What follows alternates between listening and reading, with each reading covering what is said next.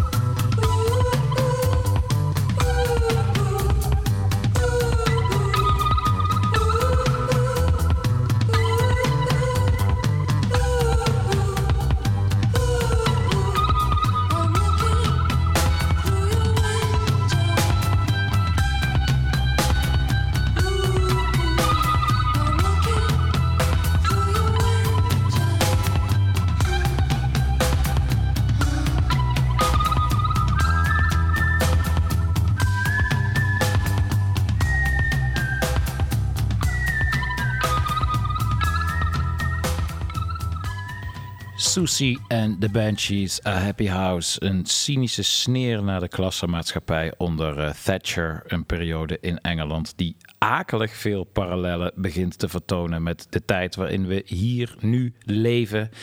We gingen dit weekend maar weer eens de straat op tegen de markt voor een happy house. En ook weer voor muziek en cultuur, waarover later in de podcast meer. Welkom allemaal, welkom in de portiek. We gaan weer met elkaar langs de mooiste releases van de week en actuele haakjes uit het uh, verleden. We hebben uiteraard weer de vloervullen van de week uh, in de planning staan, als ook de albumrubriek. En vorige week praatte ik met Adse de Vriezen over uh, Superfly van Curtis Mayfield. Deze week heb ik Kitty Crochel, projectcoördinator bij Mojo Concerts, te gast. Zoals altijd een volle agenda en veel te laten horen. Laten we dat laatste dan ook maar gelijk doen met een nieuw liedje van Beak. Beak is Geoff Barrow. De meeste mensen kennen hem van Portishead. of als een bijzonder vermakelijke uh, twitteraar. Maar hij maakt als Beak al lange tijd ook uh, geweldige muziek. Is inmiddels ook uh, andere artiesten aan het begeleiden. Zoals bijvoorbeeld Annika. Hier in de podcast ook al meerdere nummers van gedraaid. Nu is er weer een liedje van zijn eigen formatie. De formatie Beak. Als altijd zit het heel erg in krautrock sferen. En laat nou met de jaren uh, de tijdsgeest wat gunstiger zijn geworden voor, uh, voor krautrock. Allerlei DJ's draaien het ook uh, op dekmantelachtige festivals. Dus een track als deze is meer dan ooit welkom. Oh nou, de nieuwe Beak. En ja, St. Paul's Boutique is weer geopend.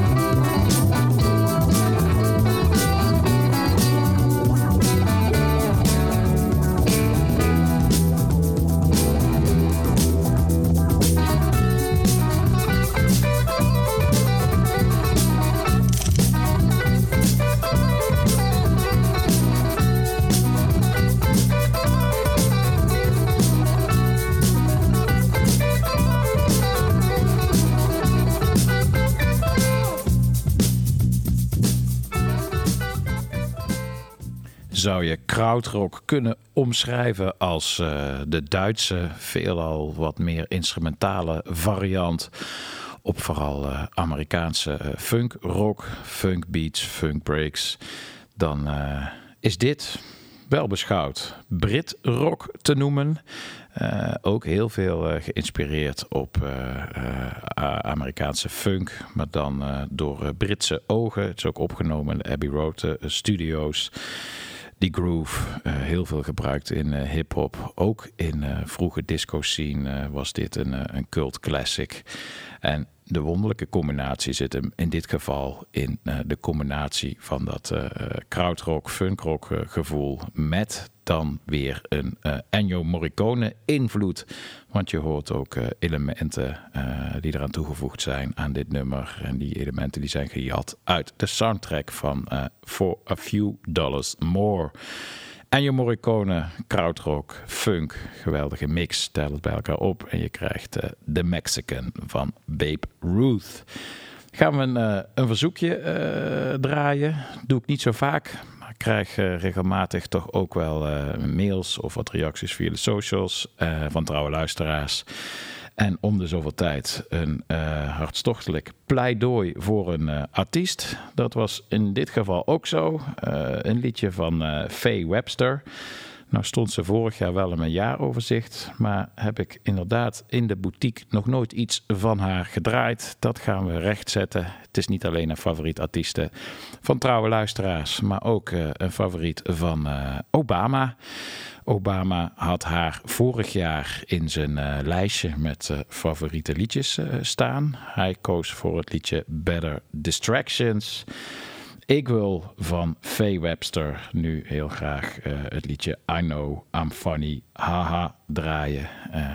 en dat staat ook op het gelijknamige album dat dit jaar verscheen. Echt een prachtalbum vol met prachtliedjes.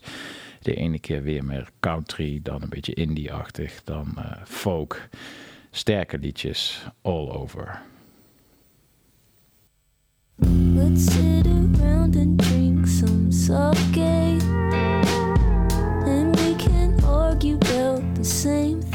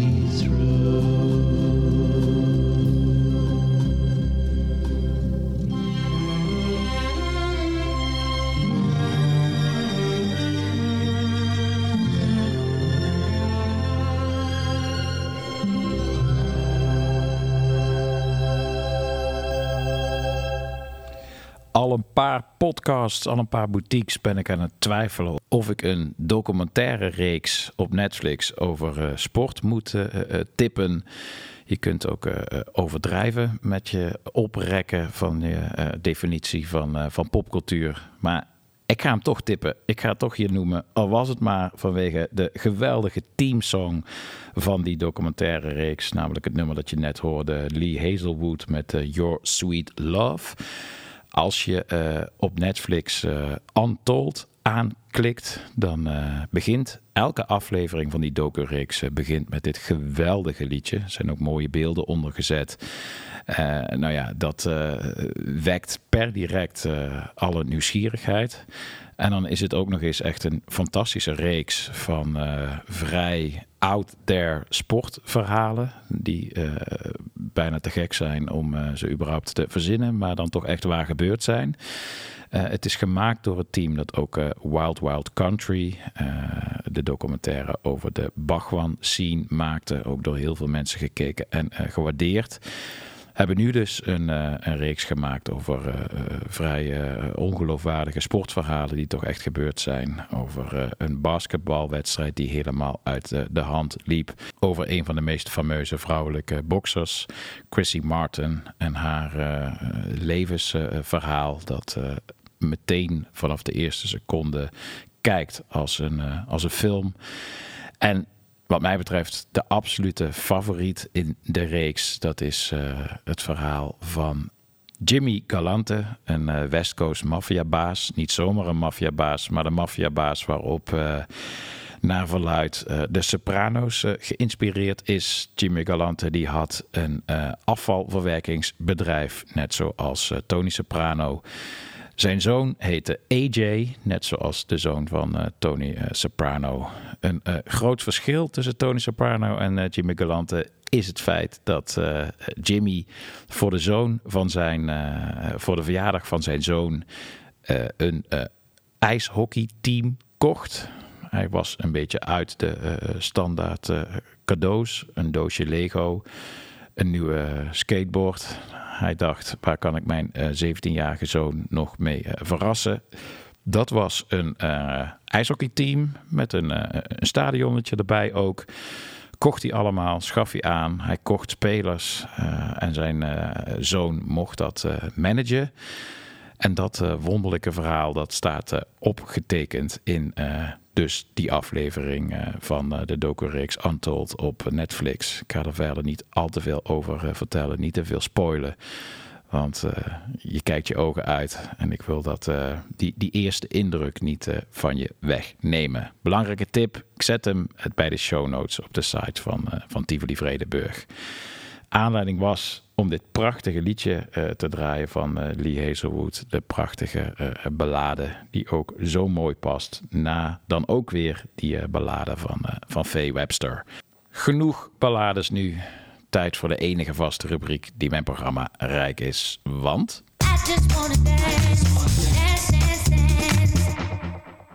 I Just Wanna Dance, Dance, Dance, Dance. In deze rubriek iedere week eh, de vloervuller, een nieuwe vloervuller, een actuele vloervuller. Soms een vloervuller uit het verleden die eh, dan weer eh, om wat voor reden dan ook een revival beleeft. Dit keer is het een liedje getrokken uit een nieuw album. Een album dat me totaal verraste. Had ik even niet zien aankomen. Samenwerking tussen twee Franse eh, artiesten, één band, de Liminiana's, die eh, over het algemeen een beetje in eh 60s eh, garage sferen hun muziek maken, al jarenlang. En aan de andere kant techno-dj Laurent Garnier. Allebei geweldige artiesten, maar ik had ze niet zo 1, 2, 3 aan elkaar gekoppeld. Zij zelf wel, want ze hebben van de week een, een album uitgebracht. En een ongelooflijk album bovendien. Ik heb er echt met de mond open van begin tot eind naar, eh, naar zitten luisteren. Het heet De Pellicula, het hele album. En het staat vol van psychedelische, ja, hoe moet je het noemen? Een soort van eh, garage, techno. Als je dan een woord moet zoeken. De ultieme mashup tussen de Limaniana's, de muziek van de Limaniana's en eh, Laurent Garnier. Werkelijk waar, elk nummer op het album is eh, raak. Eh, het heeft ook wel ergens met een beetje fantasie. Het Manchester eh, gevoel ligt er ook soms wel onder. Het Manchester gevoel waarover we straks met Kitty uitgebreid gaan praten. Als we het gaan hebben over de Stone Roses. Maar nu eerst even die vloervuller van de week. Ik had wel zes nummers van het album kunnen kiezen. Ik ga nu hier heel even voor, en dit is niet mijn favoriete onderdeel van het programma, exotische titels uitspreken. Ga ik toch doen. Negash pas l'aventure humaine van eh, de Limaniana's samen met Laurent Garnier.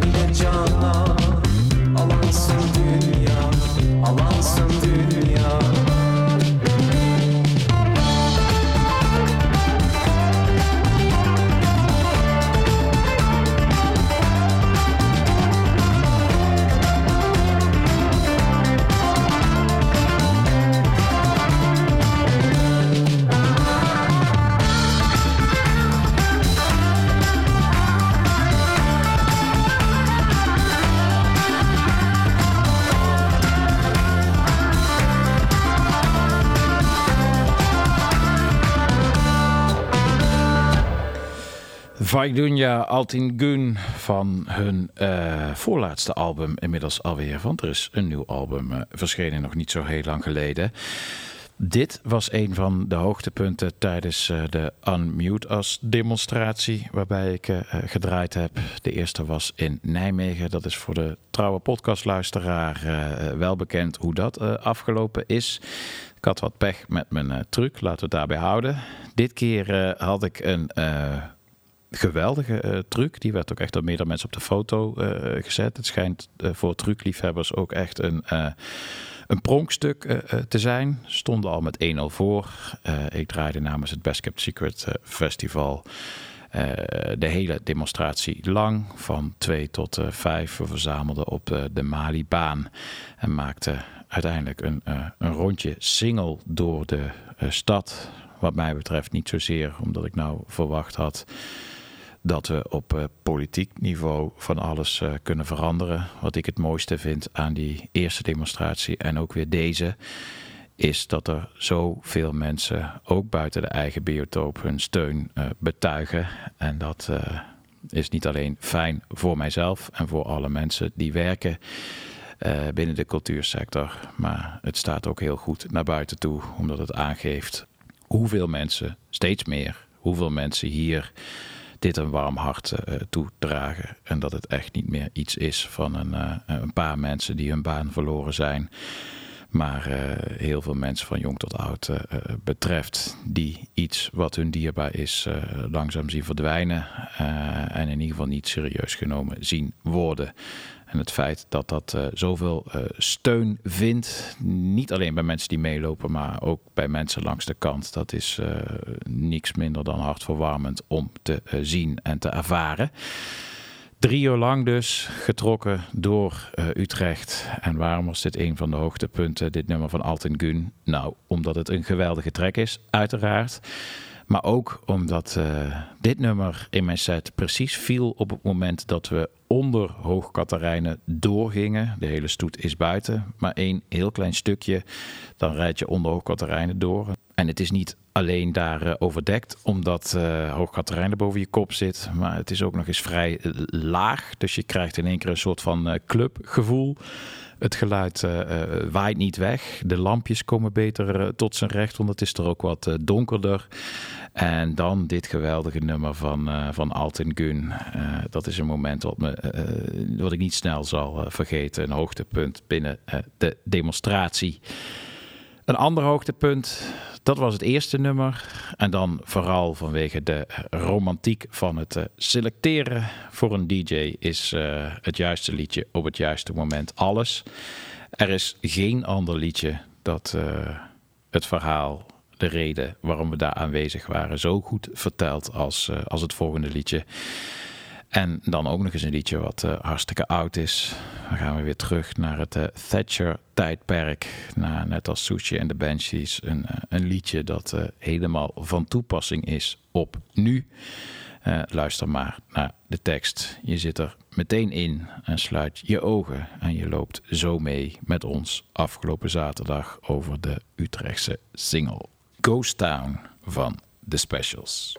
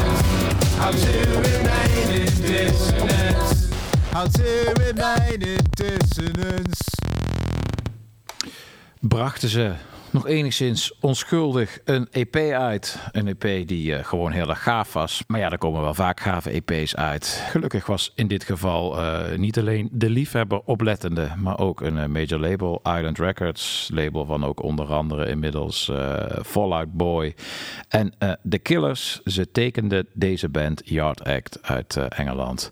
En dit is het eerste liedje dat verscheen op dat major label.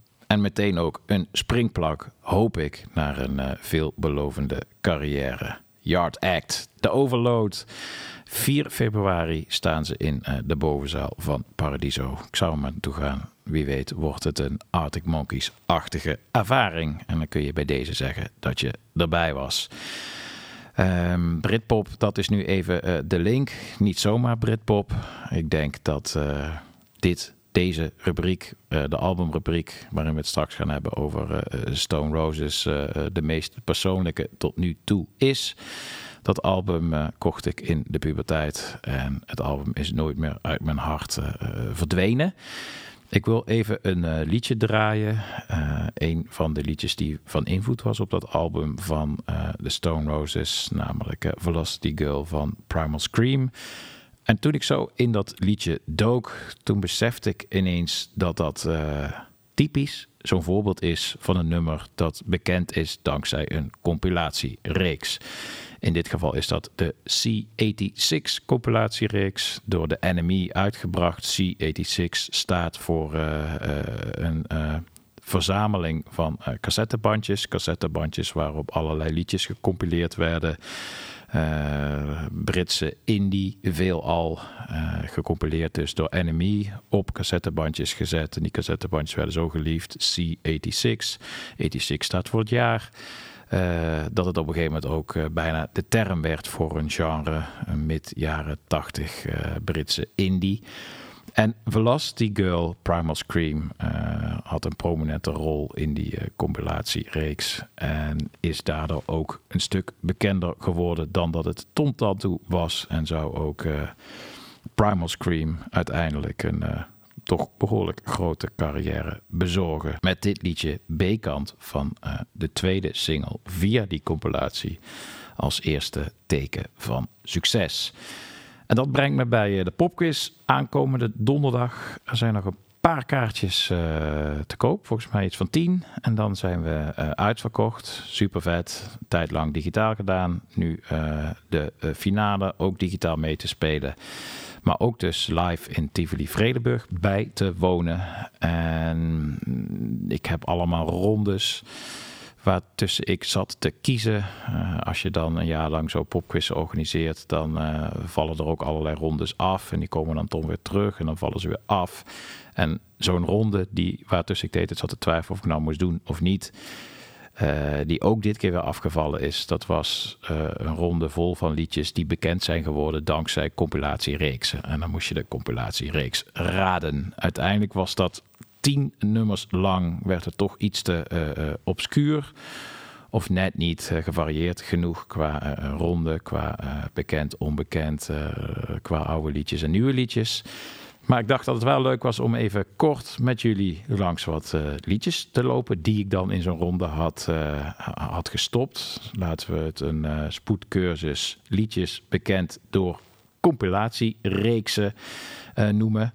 Is toch weer een eh, vak apart, dat eh, compileren. Eh, het is vaak voor oude liedjes een reden waarom ze een veel groter publiek... en soms überhaupt een publiek weten te vinden beste vehikel daarvoor, dat is de soundtrack. En als je dan één nummer moet kiezen dat een wedergeboorte had dankzij een soundtrack, dan kom je toch al snel bij deze uit.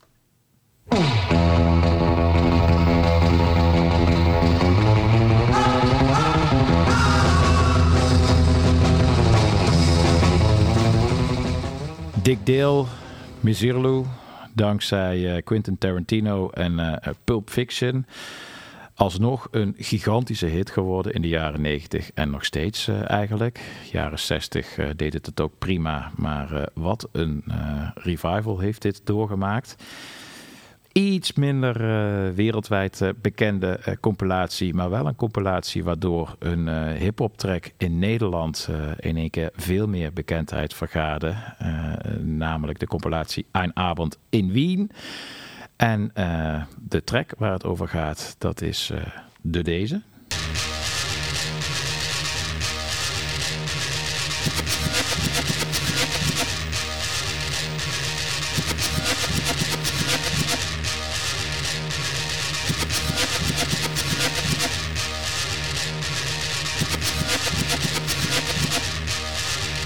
This is a warning, another cut to move on. Another beat that's so strong, hold on and I get The Devil Made Me Do It van, eh, van Paris. Dit waren allemaal eh, eenmalige eh, compilaties. Je hebt natuurlijk ook compilatiereeksen. En een tijd lang was opgezet voor het goede doel. HIV, AIDS. Eh, de Red Hot and Blue compilatiereeks was een tijd lang ook eh, verantwoordelijk voor eh, een boost van vele carrières. Zoals bijvoorbeeld van de carrière van de Franse band Lenny Gres Vert via dit liedje I Love Paris.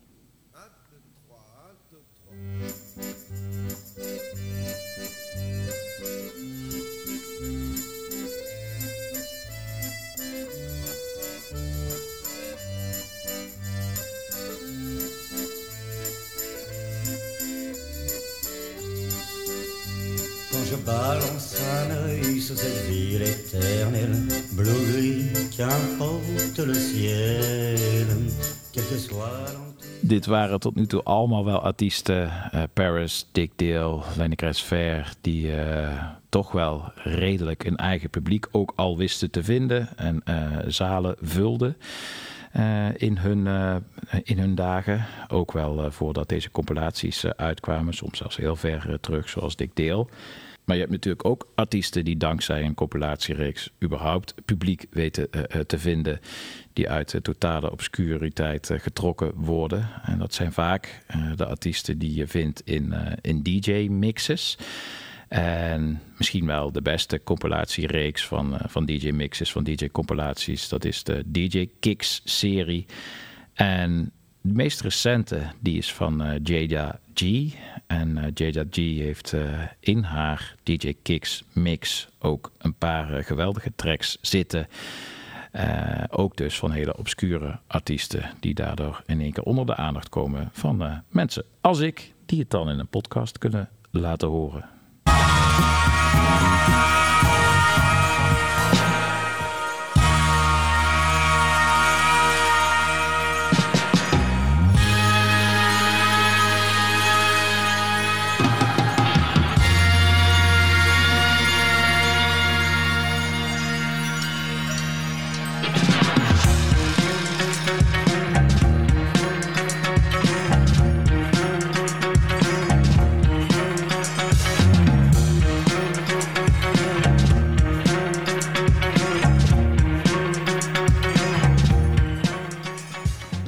Taurus van eh, Glass Beams. paar eh, boutiques geleden gedraaid. Ook wel wat reacties op gekregen. Eh, ik leerde het dus kennen dankzij die DJ Kicks compilatie. Sommige compilatiereeksen die zijn vernoemd naar een liedje. Waardoor dat liedje dan vervolgens, als de compilatiereeks populair bevonden werd, dat het liedje ook ja, enorm aan populariteit won. Dat was het geval bijvoorbeeld bij de Turn Up The Bass reeks. Een eh, eind jaren 80, begin jaren 90 compilatiereeks van, eh, van veel house door eh, Arcade in het leven geroepen. En voor heel veel mensen de eh, introductie tot house muziek. En allemaal vernoemd naar deze track. He made the bass and boy is banging. What?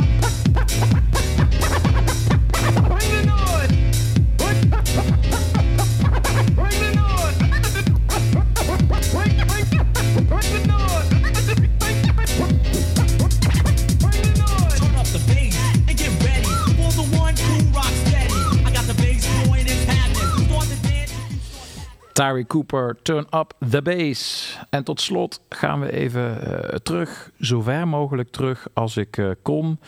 Eh, een beetje proberen te zoeken wat nou een van de eerste echt succesvolle compilatiereeksen was... die artiesten naar een groter publiek wisten te brengen. En toen was er toch wel consensus, met name All Music was zeer uitgesproken, dat eh midden jaren 60 de This Is Soul eh, compilatiereeks één van die eerste series was, eh, waardoor artiesten echt een groter platform wisten te vinden. En dat meer mensen dan alleen de zwarte gemeenschap in Amerika in aanraking kwamen met soulmuziek. Eh, met bijvoorbeeld een eh, inmiddels onvergetelijke knijter als deze.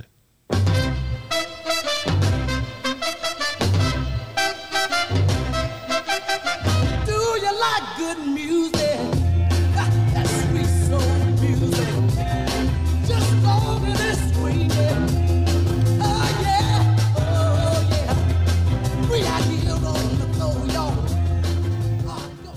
Tijd om een liedje in zijn geheel te draaien. In zijn geheel is nog steeds maar 1 minuut 21 in het geval van het volgende liedje.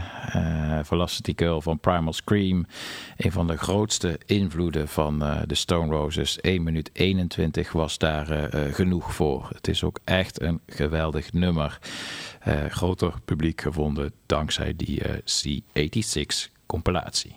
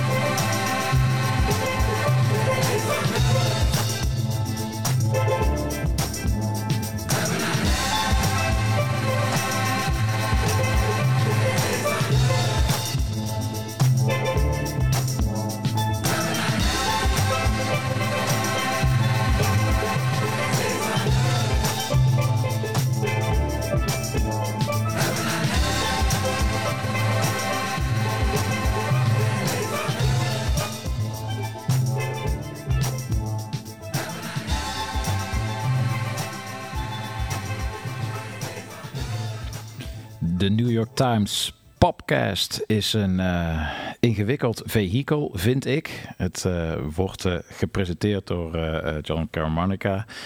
Eh, hij heeft nogal een uitgesproken stijl van presenteren. Het begint al bij zijn stem en dan vervolgens de bravoure. Het heeft wel iets narcistisch, over Amerikaans ook, hyper zelfbewust. Maar voor sommige onderwerpen is hij echt de ideale persoon om eh, een podcast over te eh, hosten, te presenteren, te maken. Zo zat ik echt te bidden op blote knietjes eh, dat hij de, pot, de nieuwe plaat van Kanye West zou bespreken. Het duurde even, maar dat is inmiddels het eh, geval. Daarvoor eh, verwijs ik je dus eh, graag naar de nieuwste editie van de New York Times Popcast. Link zet ik ook op onze site. Dit nummer wat je net hoorde is vrij magistraal gesampled op het nieuwe Kanye West album. Ik had nog ook een linkje dat ik wou leggen naar Kanye West en Ambrose Akinmusar, jazzmuzikant die deze week een aantal, eh, als ik het mag geloven, in ieder geval wat ik online zo her en der las, een aantal zeer indrukwekkende optredens gaf in, eh, in Nederland. Maar Kitty staat voor de deur en we moeten zo meteen over de Stone Roses eh, gaan praten. Dus Kanye West en Ambrose Akinmusar moeten eh, eventjes wachten. Wellicht schuif ik het door naar, naar volgende week. Laat het nu even bij deze door Kanye gesampelde track Heaven and Hell is on Earth 20th Century Steel Band.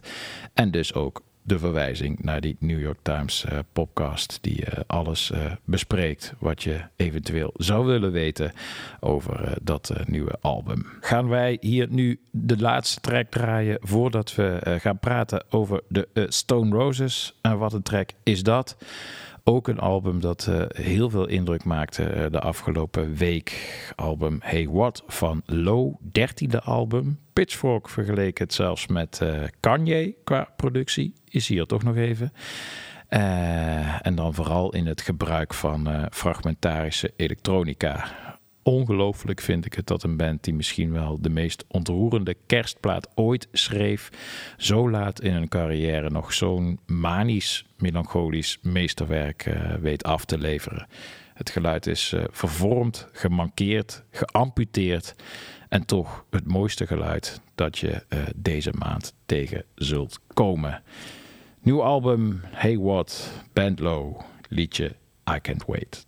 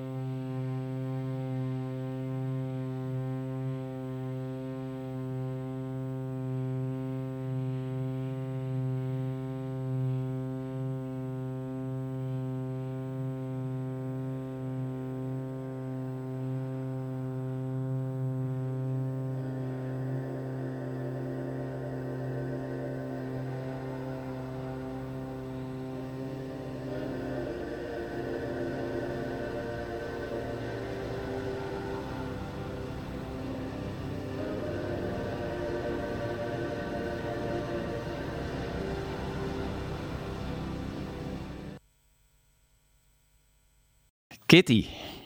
Iemand die ik al eh, jaren tegenkom, beroepsmatig, door haar functie als eh, projectcoördinator bij eh, Mojo Concerts. Eh, dat was eh, van mijn kant de eerste jaren vaak een kwestie van eh, ontwijken en wegduiken. Waar blijft je factuur nou, Paul? en het werden uiteindelijk steeds meer gesprekken over muziek en favoriete liedjes. Met als grote, altijd maar doorlopende rode draad Ja. de Stone Roses. Terugkomend, ja. Ja, Kitty Crochel, welkom. Dankjewel. Ehm ik zou je zeggen, ik bereid altijd mijn podcast vrij minutieus voor. En ook deze albumgesprekken. En dit keer heb ik het niet gedaan omdat het een, een grotere thuiswedstrijd is er voor mij niet. Ja, ja, ja. We gaan praten over eh, Stone Roses van Stone Roses. Ik heb mijn Stone Roses fan eh, shirt aan. Ja. Jij hebt je Liam You Gallagher, Liam Gallagher sweater. Ja. ja. dus we zijn echt helemaal dressed voor deze podcast. Voor Ja. zover dat überhaupt mogelijk kan. Je kleden voor een podcast. Maar ik vind mezelf eh, een... eh, ja, eh, ik- ik zou geneigd zijn te denken dat er een grotere fan van dit album niet bestaat. En als ik dan even, even doordenk, dan kom ik toch bij jou uit. Ja. Ja. Ik denk eh, precies zo. Ja. En nou is de eerste, en waar ik bij jou dan extra nieuwsgierig naar ben, is eh, de openingsvraag is al sinds het begin van deze albumrubriek vernoemd naar een liedje van Pulp. Do you remember the first time? Ja. N- niet exact, maar ik weet nog wel waar ik was en wat ik deed. En, eh, ehm, het, grappige was dat ik in het begin ook helemaal niet zo meteen gegrepen was door die plaat. Ehm, ik woonde toen in, eh, in Delft op het Begijnhof, Begijnhof 13. Dat was een kraakpand en dat werd verbouwd tot woongroep. Dus dat was echt een hele gezellige bende. Ik was 18. Ja. Ehm, en het was natuurlijk voorjaar, dus de ramen stonden lekker open. En eh, de jongen die boven mij woonde, die kwam met die plaat aan. En die zei, nou, dit moet je, dit moet je horen. Dit vind jij echt heel tof. En eh, I Wanna Be Adored was natuurlijk al een single. Dus ehm, die, dat En die kende kende ik. je ook al op dat Ja, die, die kende ik een beetje. En ehm, ja, nou, het was dus ook zo. het was dus ook een briljante plaat. Ik was zelf, eh, je had- het was 1989. Ehm, Summer of Love hadden we net gehad. Zaten we eigenlijk nog steeds middenin. Een heleboel vrienden van mij die waren echt aan het, eh, aan het feesten. Aan het reven. echt aan het reven. En Ja. dat, dat had ik zelf dus niet. Ehm, ik was nog echt eh, ja, gewoon met, met, met garage en, en, en gitaren bezig. Heel veel acid jazz ook, was ik toen aan het luisteren. Oh ja, jeetje. Ja. Totally Wired. Totally Wired. eh, die hele serie, de serie kwam toen uit. Die begon toen. En we waren feestjes aan het organiseren. En waar vonden die plaats? In Delft. Oké. Want ik kom uit Delft. Ja, maar eh, En, en eh, dan in ja, ja, kraakpanden? parties. ja, in, eh, eh, en gewoon in zalen ook. eh. Gewoon zoutjes huren en eh, ja, DJ's vragen. En dan eh, hele nachten dansen. Op, alleen niet reven, maar op acid jazz. Ja. Dat is meteen al fantastisch, want ik, ik las eh, nog niet zo heel lang geleden. Ik wist dat Ian Brown van Stone Roses Mhm. een, een Northern Soul fan was. Ja. Maar hij is ook begonnen, of begonnen, ja, waar, waar begin je? Maar hij heeft ook als tiener heeft hij, eh, Northern Soul feestjes eh, Ja. georganiseerd ook. ja, dat kwam ook nog. Hè? Die hele, de hele scooter scene Ja. en de, de skinhead scene. Dat was eigenlijk een, een gevolg. na die acid jazz periode kwam voor mij dus die, eh, die periode. Dus Ja. dat ik alleen maar, Northern Soul, alleen maar op Northern Soul aan het dansen was. Ah, ja. ja. geweldig. Dus het was eigenlijk, ja, Maar je noemt allemaal meteen al Britse, ik bedoel, Ja, eh, het sowieso. acid jazz, eh, Northern Soul is ook echt een, Ja. een, een Britse maar dat, hype. dat heb ik heel erg. Dat, ik, Amerikaanse muziek, nee. Nee. Nee, ja, hip-hop, maar ehm, nee. Ik ben echt een anglofiel wat dat betreft. Wat mijn muzieksmaak betreft. Ja, en dus Ja. op die jonge leeftijd al. En dan de Stone Roses stel ik me zo voor. Toen dat eenmaal landde. eh, het, is, het album is ook zo'n ongelooflijke... eh, eh, Mix. bepalend moment. Ja, in- ja, in- ja. qua- als je het dan over Britse muziek hebt. Dat Ja. eh, inderdaad het, het, het, het bond, de rave met, eh, met de pop. En het begin daarmee ook van die, van die rock. Manchester, eh, ja, Manchester sound. Maar ook die jangle pop en die 80s, C86 eh, indie Britse scene. En ook nog eens wat ik zo gaaf vind, is dat ook de scene en de bandleden en de eerste drummer van eh de Pilot heet het, geloof ik, voorloper van de Stone Roses, die speelde dan ook weer in een band met Johnny Marr en die kon de drummer worden van, eh, de, van eh, de Smiths, maar dat, dat, Ja. dat wees die af. Maar het is, je zei het al, 1989, het is zo'n geweldig kruispunt tussen van allerlei geweldige Ja. muzikale, nou ja, dat zie je dus. Precies, want dat is, Stone Roses is natuurlijk echt zo'n mix tussen rock en dance. Eh acid jazz was eh, hè, die mix tussen funk en jazz. D- Het was sowieso één grote melting pot van, van, van nieuwe dingen. Ja. Er kwamen ook zulke mooie platen uit in die periode. Ik bedoel, en dat jaar alleen al. Ja. Doolittle. Ja, zeker. Pixies. Toch Amerikaans. Ja, maar goed, dat was zo. dat, dat was er natuurlijk ook één. Ja, zeker. Dat is wel een hele goede tweede hoor. Ja. Voor, zeker voor dat jaar. Nee, ja, dan noem je zoiets, ja, Ja. inderdaad. Dus eh naar Beastie Boys. Ja, Paul's ook. Boutique. Ja, de naamgever van deze, van deze podcast. En even terug nog naar eh, dat je dat voor het eerste keer hoorde. Het landde eh, enigszins, je vond het mooi, je hoorde het via Ja. een Nou, huisgenoot. ja, en wat was- was het moment dat het, dat het echt iets... Nou, dat was dus pas later eigenlijk. Dat was pas op het moment dat ik ze live zag. Dat het dus echt zodanig landde dat het. Ja, dat ze, dat ze, ze horen gewoon bij me nu. Ja, En dat was dus in 2012 pas. Want Oh, ik, in, de, in, die, ja. in die tussentijd heb ik, ik ben eh, ehm, na die hele scooterperiode ehm, werd ik moeder. ja, En toen had, was ik eigenlijk met hele andere dingen bezig dan met muziek. Ja. En dat pakte ik weer op eind 98, ehm, 1899, 2000. En, ehm, en pas bij de reunie ehm, in 2012... Was, ik was gewoon op slag weer verliefd. En, en tot die tijd, want ik vind het wel grappig, je noemt eh, scooterperiode. En ik denk dat de gemiddelde Nederlandse luisteraar dan denkt aan Move your ass. Ja, Maar- scooter. Maar Nee. daar Dan moet je toch echt aan Vespaatjes en Lambreta's. en, en, en eh, ja. muziek eh, waarschijnlijk. En ja, eh, 60, 60s garagebeentjes. Ja. Ja. Ja, en wat was die in, in de tussenperiode, voordat we eh, helemaal in het album duiken? Maar, eh, want je zegt je werd moeder, maar dat, dat zou je in principe niet moeten weerhouden van muziek luisteren. Wat- Nee, maar wel van naar, naar shows gaan. Ja, en, eh, Ja. ja. Ja. Ja. en het stond echt wel op een lager pitje dan dat het nu, dat het nu weer is hoor. Ja. En was de, re, de reunieshow dan, moet ik even terugzonen, ik ben er ook bij een aantal geweest. Was dat dan 2012 die- was de eerste. Was dat die? eh, Was in Amsterdam. Ja, precies. Ja. Dat was de eerste. Met heel veel Britten die Ja, daar de ja, zaal hadden. Ja. Geweldig. Ja. Echt briljant. Heel slecht nog eigenlijk, maar Ja. qua sfeer gewoon On- fantastisch. Ongeëvenaard. Eh, want ze beginnen dan altijd met I Wanna Be Adored. En dan, ehm, dat begint natuurlijk heel stil met dat baslijntje. Ja. En ik, ik, heb dat, ik had dat nog nooit meegemaakt. Dat mensen dus, of die hele zaal, niet mensen, gewoon de hele zaal... al vanaf die eerste baslijn staan mee te dreunen. Ja. En ehm, dat, hè, dat mensen meezingen, dat hè, was ook bij Doe Maar. Ja, In precies. de jaren tachtig. dus, eh, Dat principe kennen we. ja, maar dat het, dat het zo... En dan unaniem met z'n allen echt dat baslijntje al inzetten. Ja.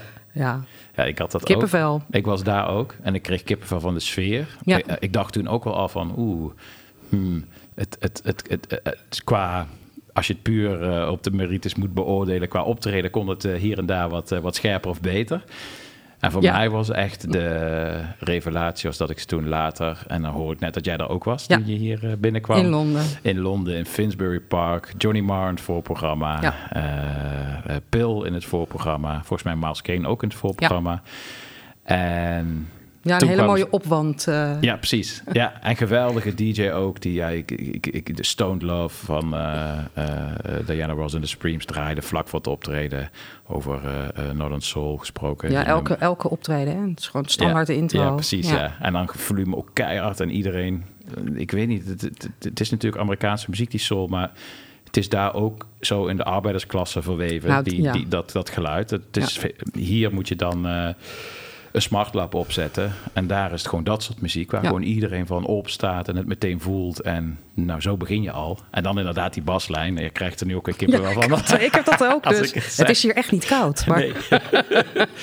oh man. En, en- en toen was het ook echt geweldig goed. Toen hadden ze die, Ja. die meters ook in de, in de, in de benen.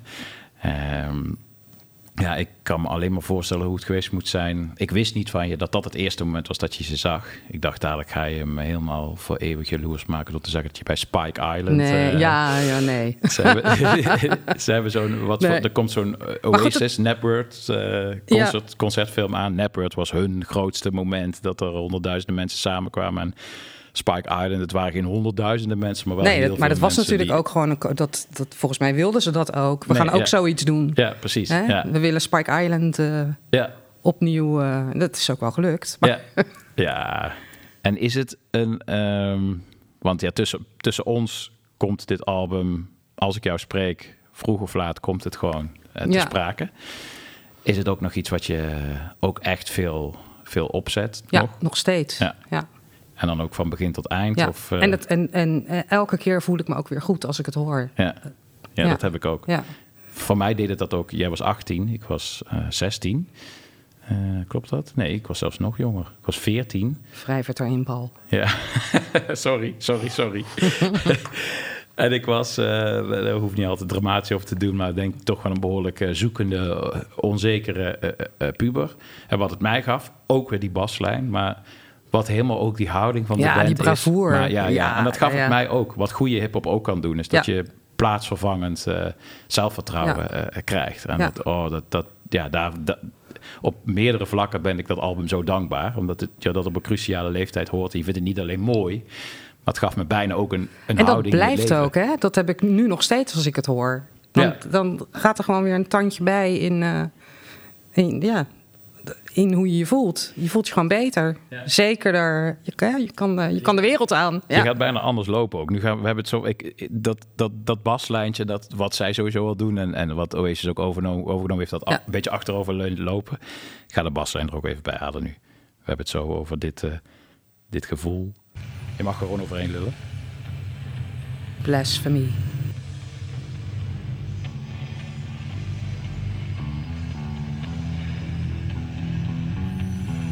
Nou, en dan een heel stadion vol, wat Ja. hier al helemaal op losgaat. Ja, ja insane. Al die gekleurde flares, al die rookbommen die dan afgaan. Ja. Iedereen die al begint te springen. Ja, Ik moest van jou ook een eh, link bij de show notes plaatsen ja, ja. van deze baslijn eh, in Wembley eh, Stadium. Ga ik ook doen. ja dat was ik ook. dat was de show in 2017. Dat was ook echt een hele... Heel raar. Het was echt gek trouwens. Sleaford Mods in het voorprogramma. Ja, de gemiddelde Stone Roses fan is, eh, is van mijn leeftijd. En die hebben niet zo heel veel met Sleaford Mods. Nee. Dus dat was wel... eh, hè? Maar ik vond het gek. Ja. Maar ehm, ik was met een, met een Londense vriendin en die eh, woont in Kensington of bij Kensington. En Grenfell Tower brandde drie dagen voor die show af. En zij was echt, echt in alle. Zo, ja, ze- ze- ze- vanuit haar huis kan je het, kon je het zien. Dus het was echt Ja. het was heel traumatisch voor haar. Ehm, maar ze is toen toch meegegaan naar die show. En het was echt wel twee uur voor haar ook even, ehm, even wat anders weer. Maar eh, het, het maakte het allemaal wel heel bijzonder. Ja, Het eh, ja. geladen, ja. Ja, joh. Ja. En hoe is dat eigenlijk als je nu... eh, ik zat een beetje te twijfelen of ik deze vraag moest stellen, maar je komt, ontkomt er toch niet aan. Zeker als je hardcore fans bent zoals wij. Als je nu Ian Brown eh, Ja. ziet... eh, ja, ik bedoel, Nou, je ik moet kan- voorzichtig zijn met het gebruik van het woord eh, wappie, maar... Ja, toch- ik kan, nou, dat is, het, hij, dat, dat is hij wel in het kwadraat, denk ik. Ja. ja. Ja. En heeft dat, Ja. heeft dat invloed voor jou? Nou, hij is, je- hij is wel. Hij is wel, voor mij is hij wel van zijn voetstuk gevallen. Ik bedoel, ik had, ik, ik, ik had hem heel erg hoog zitten. Juist door die. Door die het, het was natuurlijk ook zo'n working class held. Zeker in een wereld van, van de muziek, muziekbusiness. Kom je dat niet heel vaak tegen. tegen. Iemand die zo erg zichzelf blijft. Ja. hè, bij zichzelf blijft. En eh, ik bewonderde hem daar heel erg voor. Ehm, maar goed, hij was natuurlijk altijd al heel erg politiek. Maar dit, dat hij, dat hij, dat hij zo lossloeg op alle conspiracy theories. En, Ja. eh, anti-vaccine en alle... Ja. ja. nou ja, echt gewoon diep, diep in die, in die in, die, in die materie. David Icke, dat vindt hij, vindt hij fantastisch. Ik weet niet of je David Icke kent. Nee. Het is een eh, conspiracy theorist, een Engelse, een oude voetbalreporter... die dus allerlei boeken heeft geschreven over de meest bizarre complotten. En eh, die geeft dus lezingen van tien uur, waarin hij dus eh, vertelt dat de Engelse koninklijke familie, eh, dat dat allemaal hagedissen zijn. Buitenaardse hagedissen, ja, het, het is echt volkomen, volkomen idioot. En daar is hij En daar, uitgesproken. ja, daar is hij uitgesproken, nou, fan wil ik niet zeggen, maar ja. En het is wel iets Daar van- dweept hij mee. Ja. En als je naar die website van David Icke gaat, dan eh, moet je eigenlijk, kan ik eigenlijk niemand aanraden. Maar goed, dan zie je dus ook de laatste single van, eh, van Ian Brown eh, Oh. zie je op die pagina. Oh, dat- Wat trouwens een echt een wanstaltig slecht nummer is. Maar goed. Nou, dit is ergens ook alweer geruststellend dat, eh, dat, dat de wappie Ian Brown geen, eh, geen goede muziek meer maakt. Nee, Dat, eh, nee gaat dan inderdaad. Gelukkig Terwijl, hand in nou ja, hand. zijn laatste album. Hij heeft natuurlijk. Stone Roses zou nog een album maken nadat Mhm. ze. eh, na 2017, of daar waren ze mee bezig. Ze hebben nog twee singles uitgebracht. Maar ja, ik kan me ook wel voorstellen dat die band ook denkt van ja, ik heb geen zin in nummers over chemtrails en, en onzin. Ja, het is echt sowieso een heel erg thema van deze tijd, vind ik. Dat je je moet verhouden tot, eh, opnieuw moet verhouden tot je, tot je helden. Ja. Ik vind het qua... Het heeft gemaakt dat ik in sommige gevallen eh, door de jaren heen wat, eh, wat, wat posters van de muur eh, gehaald heb van mensen. Bijvoorbeeld, ik had een, een Woody Allen poster Ah. aan de muur. Die heb ik, er, die heb ik Ja. eraf gehaald. Ja. Maar de, de ene persoon is ook weer de andere niet. En elke keer opnieuw ben je weer aan het bekijken of het nou van eh, Michael Jackson tot, eh, tot Morrissey, eh, tot Kanye West, tot Ian Brown. Ja, je kan tegenwoordig niet meer net doen alsof je het niet weet. Nee, hè? zeker niet. Dat, dat is het. Vroeger wist je het ook gewoon niet. Nee, ja. Ik bedoel, als je de oor niet las of weet ik veel, welk, welk blad, Ja. dan, en je luisterde geen radio, ja, dan, dan Ja. had je geen idee. Nee, precies. En daarom vind ik het, aan de ene kant vind ik het eh struisvolgen gedrag, kop in de zand steken, ontkennen, vind ik heel onnozel. Want we weten het allemaal. Precies, Dus je moet je ja. ertoe verhouden. Het gerust- geruststellende persoonlijk vind ik dat het mijn, eh, eh, bijvoorbeeld in het geval van Ian Brown, merk ik dan dat het me, zodra ik die baslijn van I Wanna Be Adored weer hoor, dan ben ik weer 14 en is hij weer, ja, hoe oud was hij toen? Eh, 26 of Ja. zo. En dan heb ik daar gelukkig geen... eh, Nou, de cocky working class hero is die dan gewoon Ja, weer. precies, ja. Kijk, hij is natuurlijk ook, voor, in, mijn, in mijn beleving is hij afgegleden. Ook al was hij altijd al heel erg eh, politiek en uitgesproken over wat, hè, wat hij vond. Was, het, was het voor mij, was hij nooit zo extreem als nu. Ehm, dat heeft die hele, of dat nou, ik denk die hele pandemie heeft dat ook wel bij hem gedaan. En al die kilo's wiet die hij natuurlijk wegrookt. ja. Laten we Maar de- ja, de Stone Roses is meer dan alleen Ian Brown. Ja. Godzijdank. Nee, ja, absoluut. Ja. En laten we ook teruggaan naar dat moment eh, dat hij die eh, working class hero eh, was. En dat er bijvoorbeeld een, een 16-jarige eh, Liam Gallagher ook in het Ja. publiek stond. En ook besloot dat hij een dergelijke band wou, wou beginnen. Zie je, dit kan ik ook. Ja, Ja, dit kunnen wij ook. Ja. Is misschien een, een wat vreemde vraag, maar ik ga hem toch stellen. Eh, omdat jij een ander soort. Je werkt ook al zo lang als ik je ken. Eh, ik ken je al heel lang eh, actief in de muziekindustrie. Ja. Ik ook, weliswaar als DJ, dus dan ligt het wat meer voor de hand. Maar ik ben er toch benieuwd naar in hoeverre. Want ja, jij ademt, leeft, werkt ook muziek. In hoeverre heeft zo'n album jou. ik bedoel, Liam Gallagher staat er, die begint een band. Ik sta er onzeker te wezen. Ik kan niet zingen. Ik kan geen eh, muziek schrijven. eh, ik kan geen instrument bespelen. eh, ik ga maar DJ'en. Heeft het jou op de een of andere manier ook gemotiveerd om, om de muziek in te willen? Die, nee, dat album op zich niet. Nee. Meer de, de muziek in het algemeen natuurlijk wel. Want al, ik ben. Ik, ik werkte bij een communicatiebureau en ik was het spuugzat. En ik, had, en ik, ik was 35. Ik dacht, ja, ik, ik, ik wil nu echt iets gaan doen wat ik heel erg tof vind. Nou, wat, wat is mijn grote liefde? Dat is muziek. Ja. Dus. ehm, En kwam je meteen bij Mojo terecht? nou, ik, ik, ben, ik begon zelf bandjes te boeken. Dus ik wilde gewoon zelf bandjes zien. En eh, de- ze speelden nergens, dus eh, van die gruizige garagebandjes. Ja. En, eh, en zo, zo rolde ik wel een beetje bij Mojo naar binnen. En ehm, dat, het, dat album, of de, de band, heeft mij wel geholpen. eh, In, in, meer in attitude dan, ehm, dan, dan al het andere. Ja, heel herkenbaar. En attitude is heel belangrijk in deze. Nou. Om je staande te houden ook gewoon. Over attitude Ja. gesproken, dat wou ik je ook nog even vragen.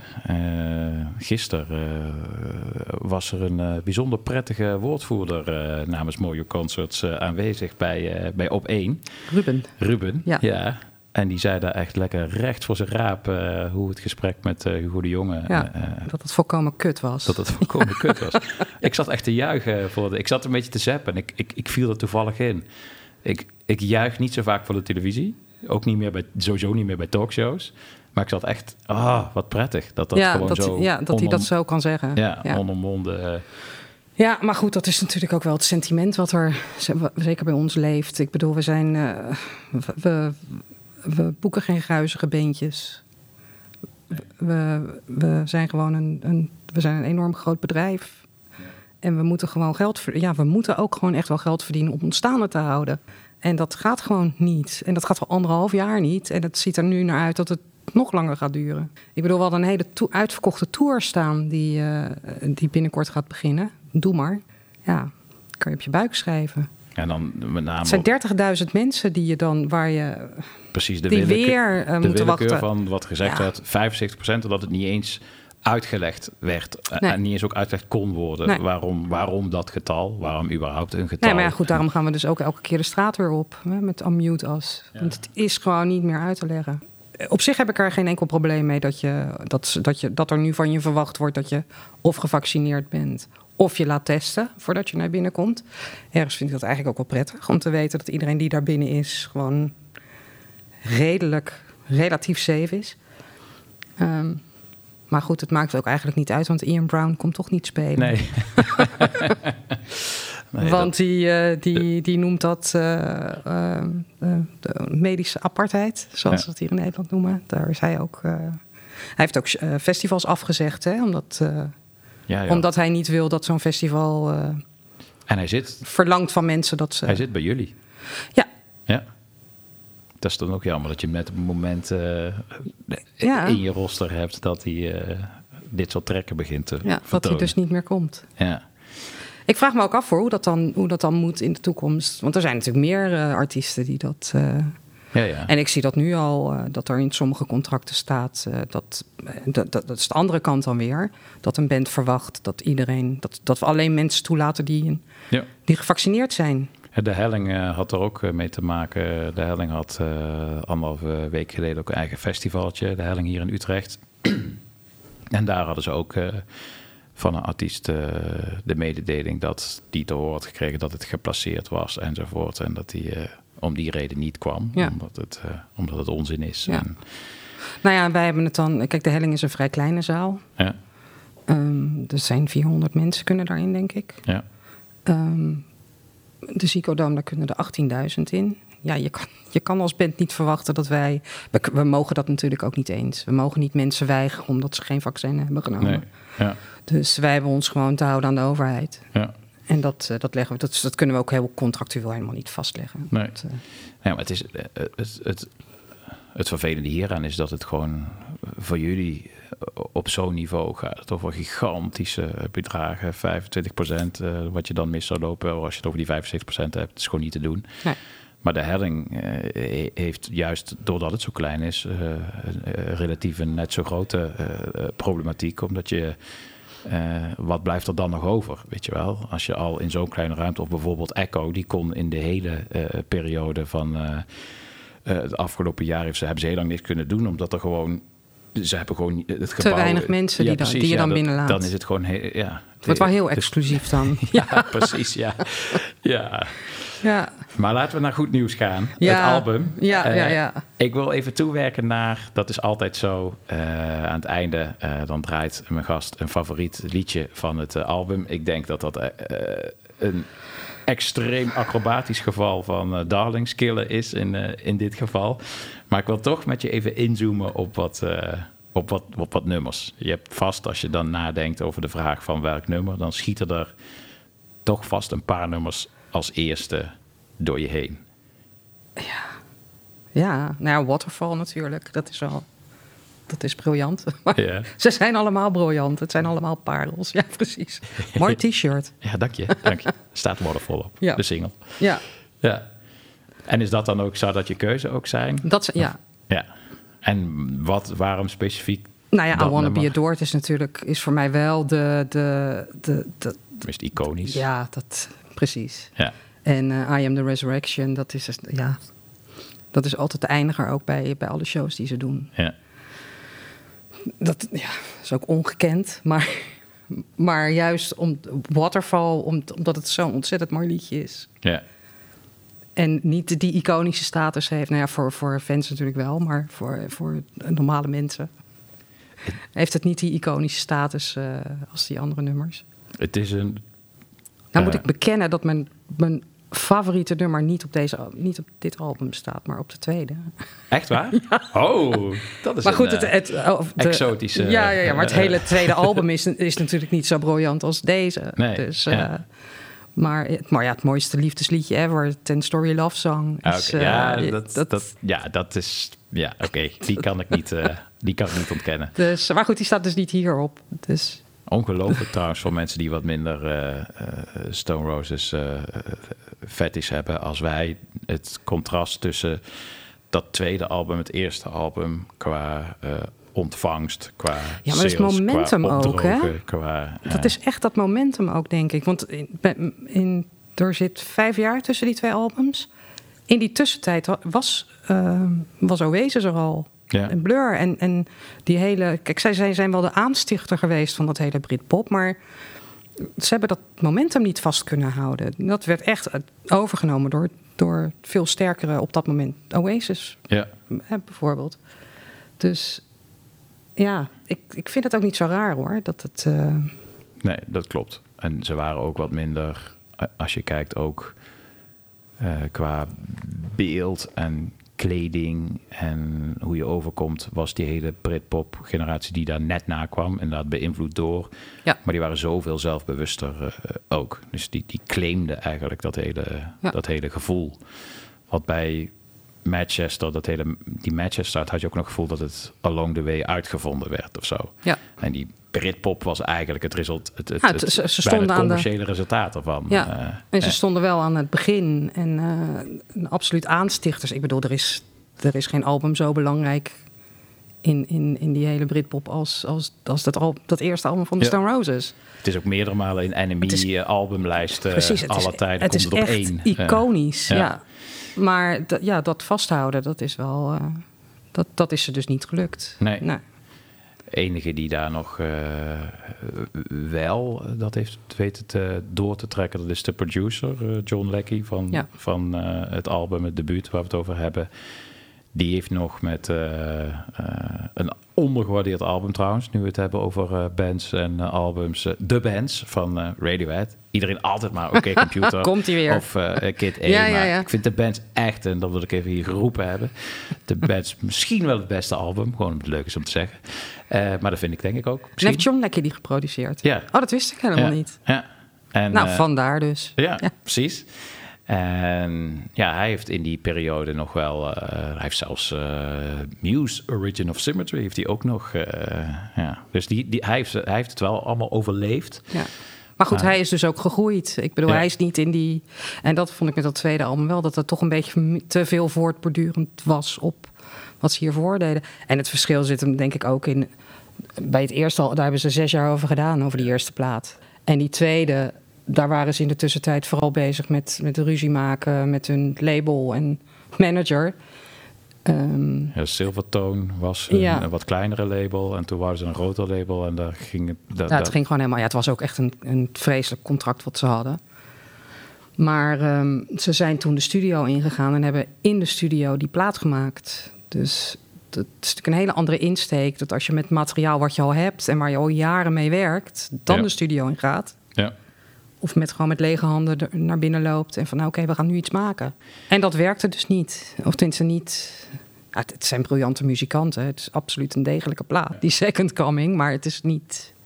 Het had veel beter kunnen zijn. Ik vind het ook wel heel mooi. en dat blijft ook het meest fascinerende van eh, muziek. Dit klinkt een beetje eh blasé, maar ik ga het eh, rechtvaardigen, deze opmerking.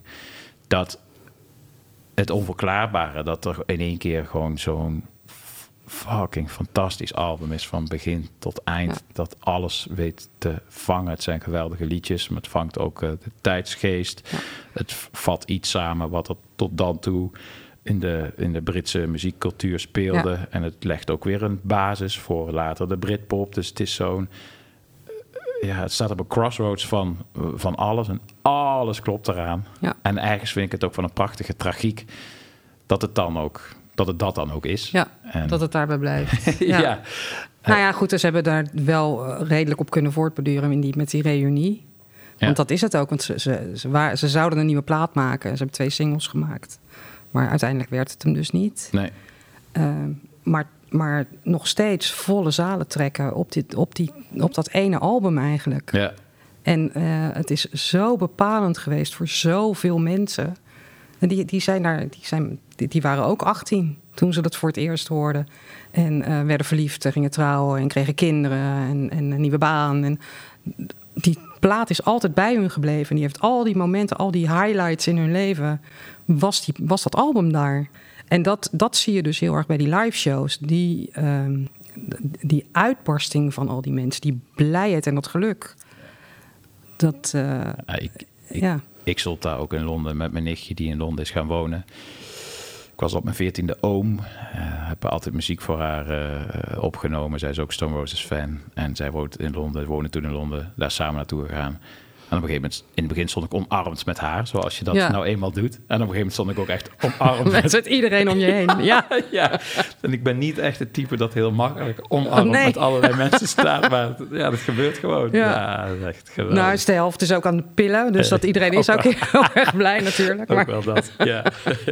nee, maar je ziet dat, dat dat aspect van de band... dat zie je heel erg terug in die documentaire... die Ja, eh, Made of Stone. Made of Stone, die eh, Shane Meadows heeft gemaakt.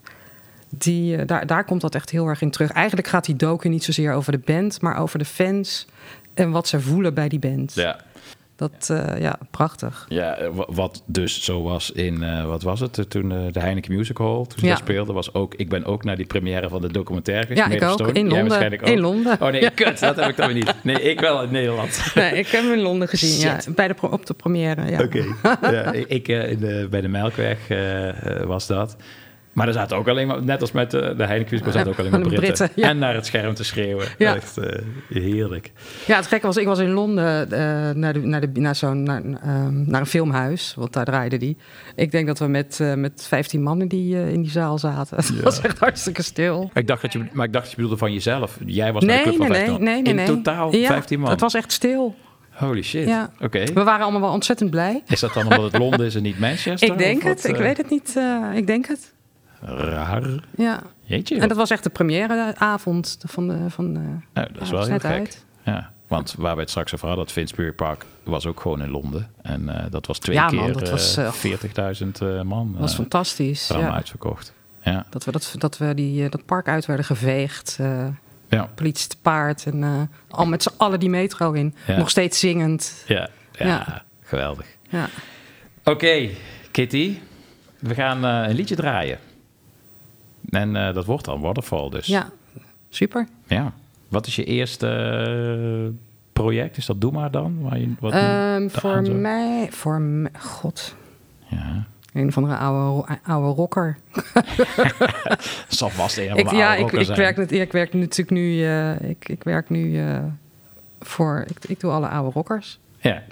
Dus als Kiss komt en Iron Maiden, dan... eh, Ja, precies. Ja. Oké. Maar voor mij begint het echt pas, breekt het echt pas los eh, volgend jaar februari. Ah ja.